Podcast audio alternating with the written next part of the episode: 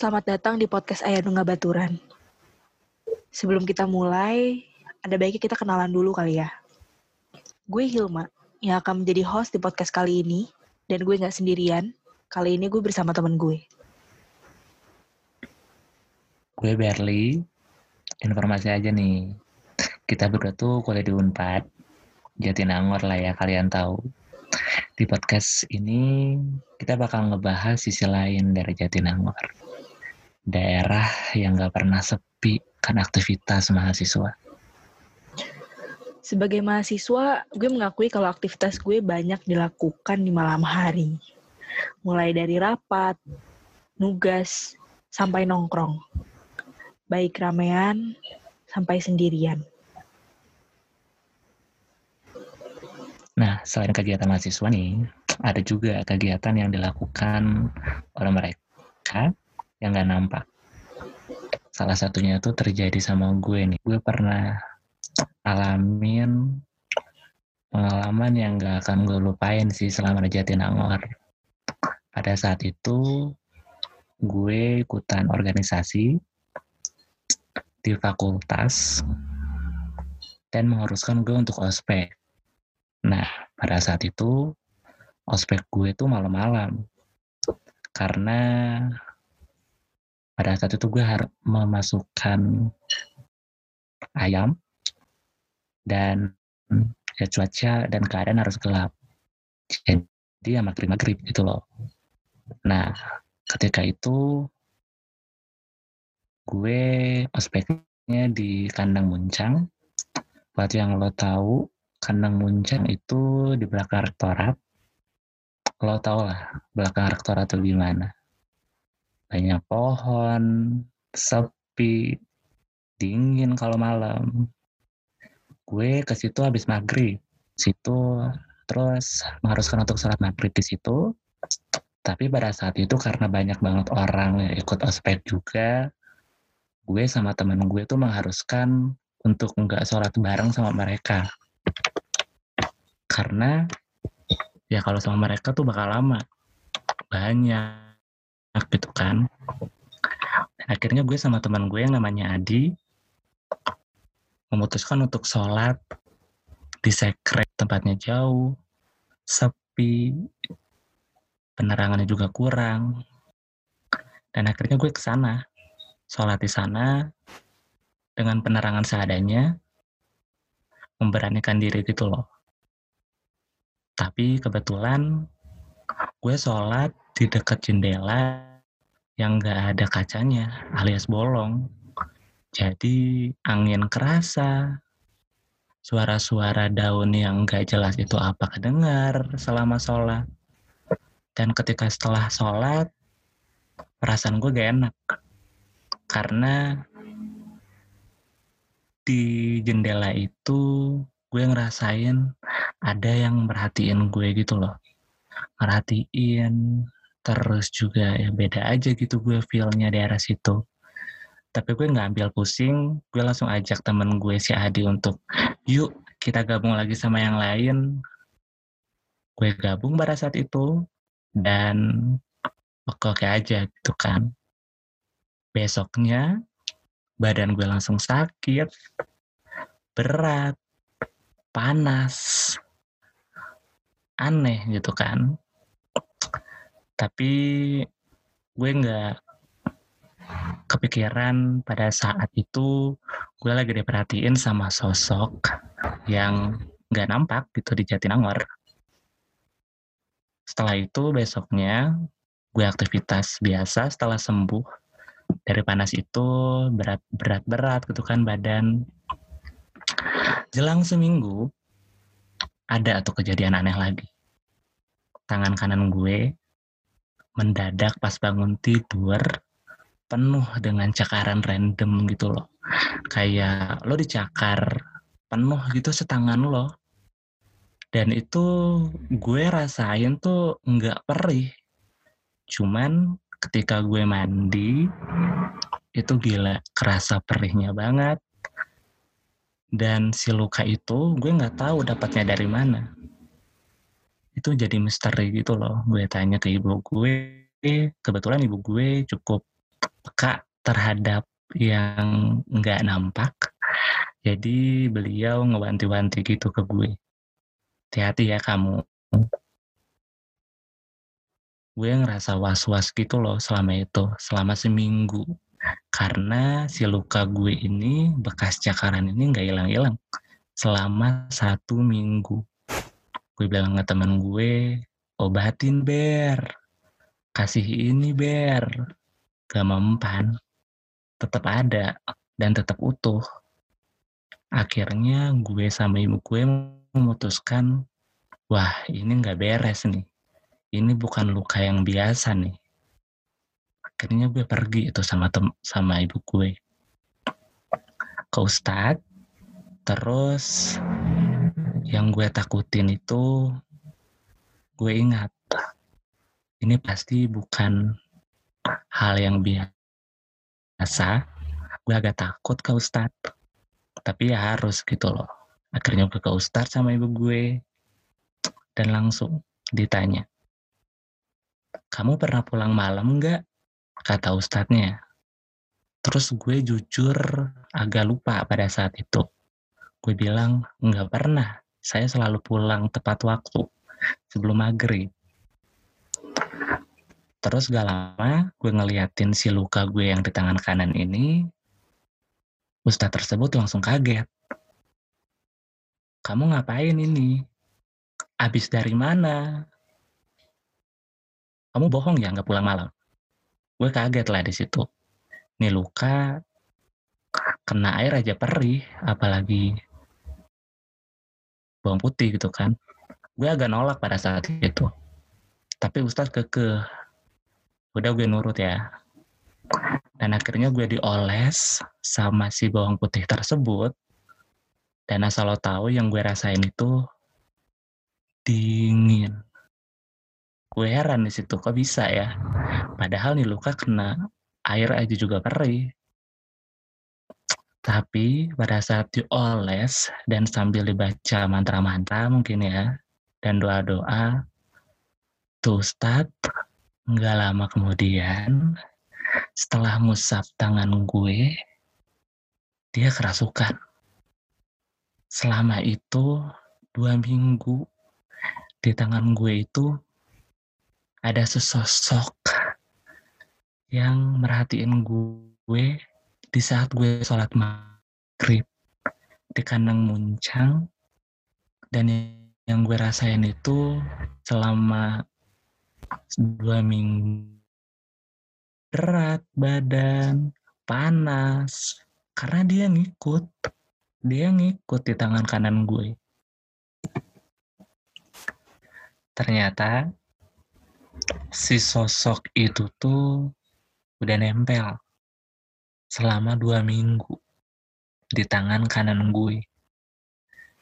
Yang nyakar gue penuh selama dua minggu penuh setangan kanan gue itu adalah tunggangan dari sosok itu. Gue sebenarnya tahu siapa beliau dan gue udah tahu namanya siapa. Beliau bukan setan sebenarnya, lebih ke sesepuh gitu loh. Sesepuh yang dari zaman kerajaan sebelum Jatinangor ada, dia udah di situ. Dan dia lihat gue, dia merhatiin gue, dia udah tahu gue orangnya gimana, ya jadi dia punya alasan untuk ngikutin gue.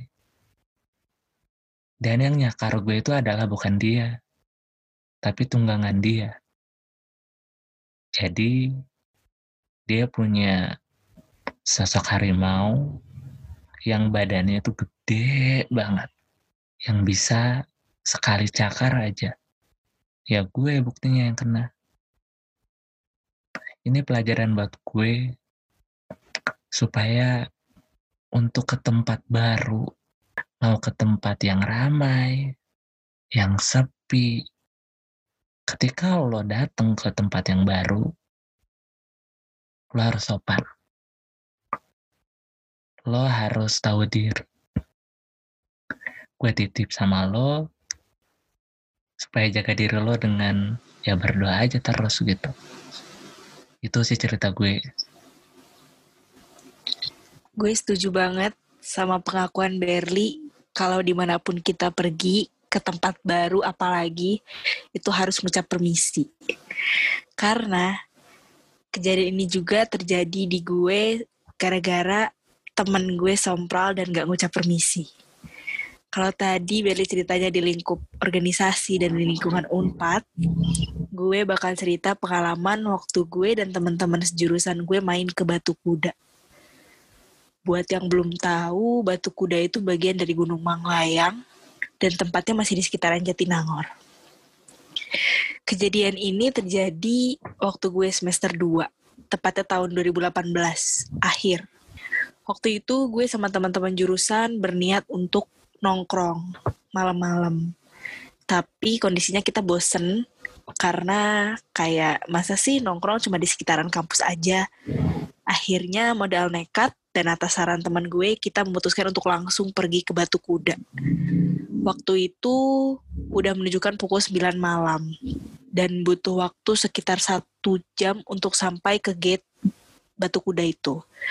Jadi kita sampai di venue pukul 10 malam dan kita masih harus nanjak lagi untuk sampai ke tempat campnya itu.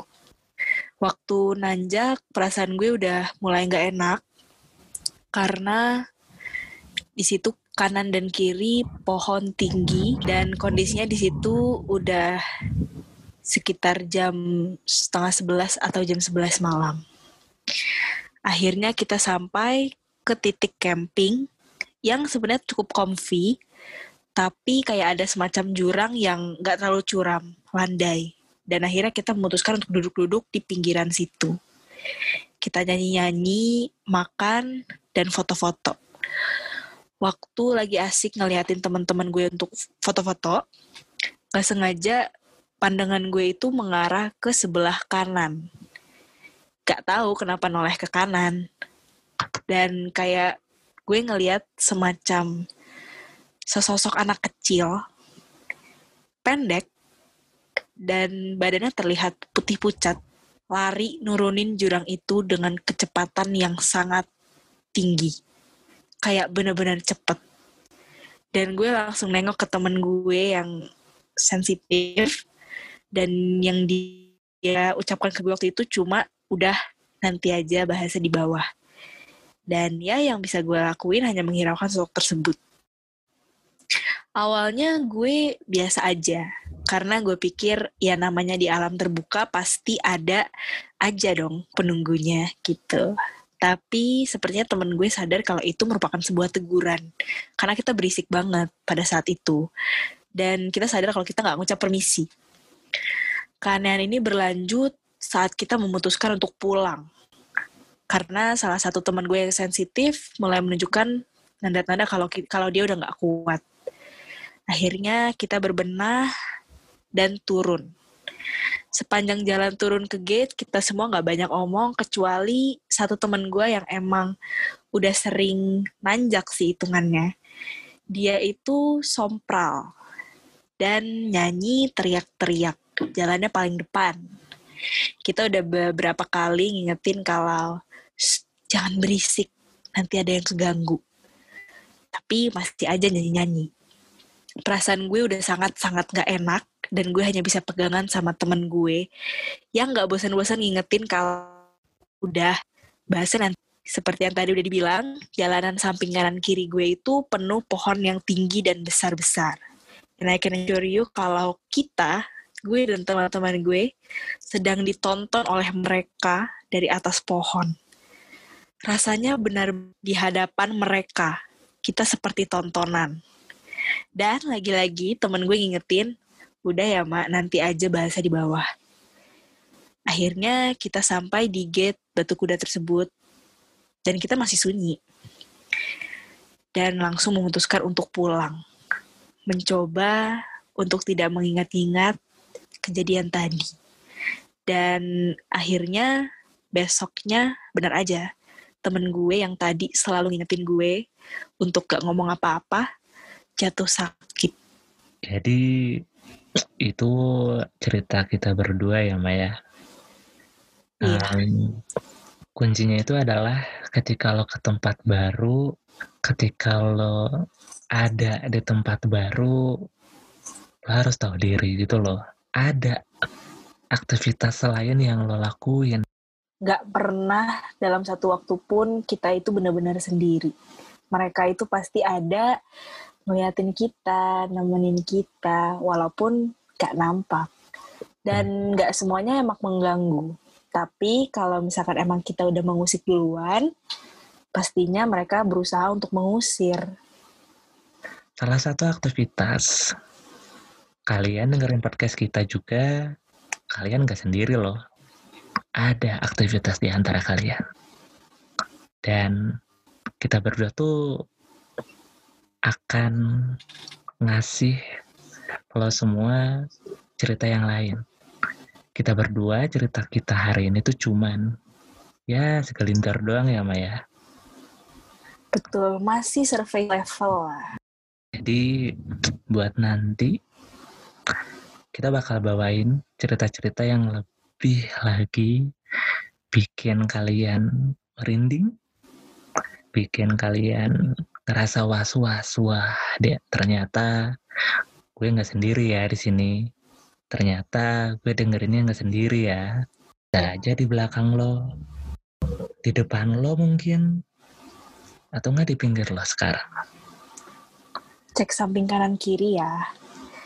Tentunya masih di podcast Ayah Nungga Baturan. Atau nggak ada yang ikut sorangan wae. Bisi Ayah Nungga Baturan.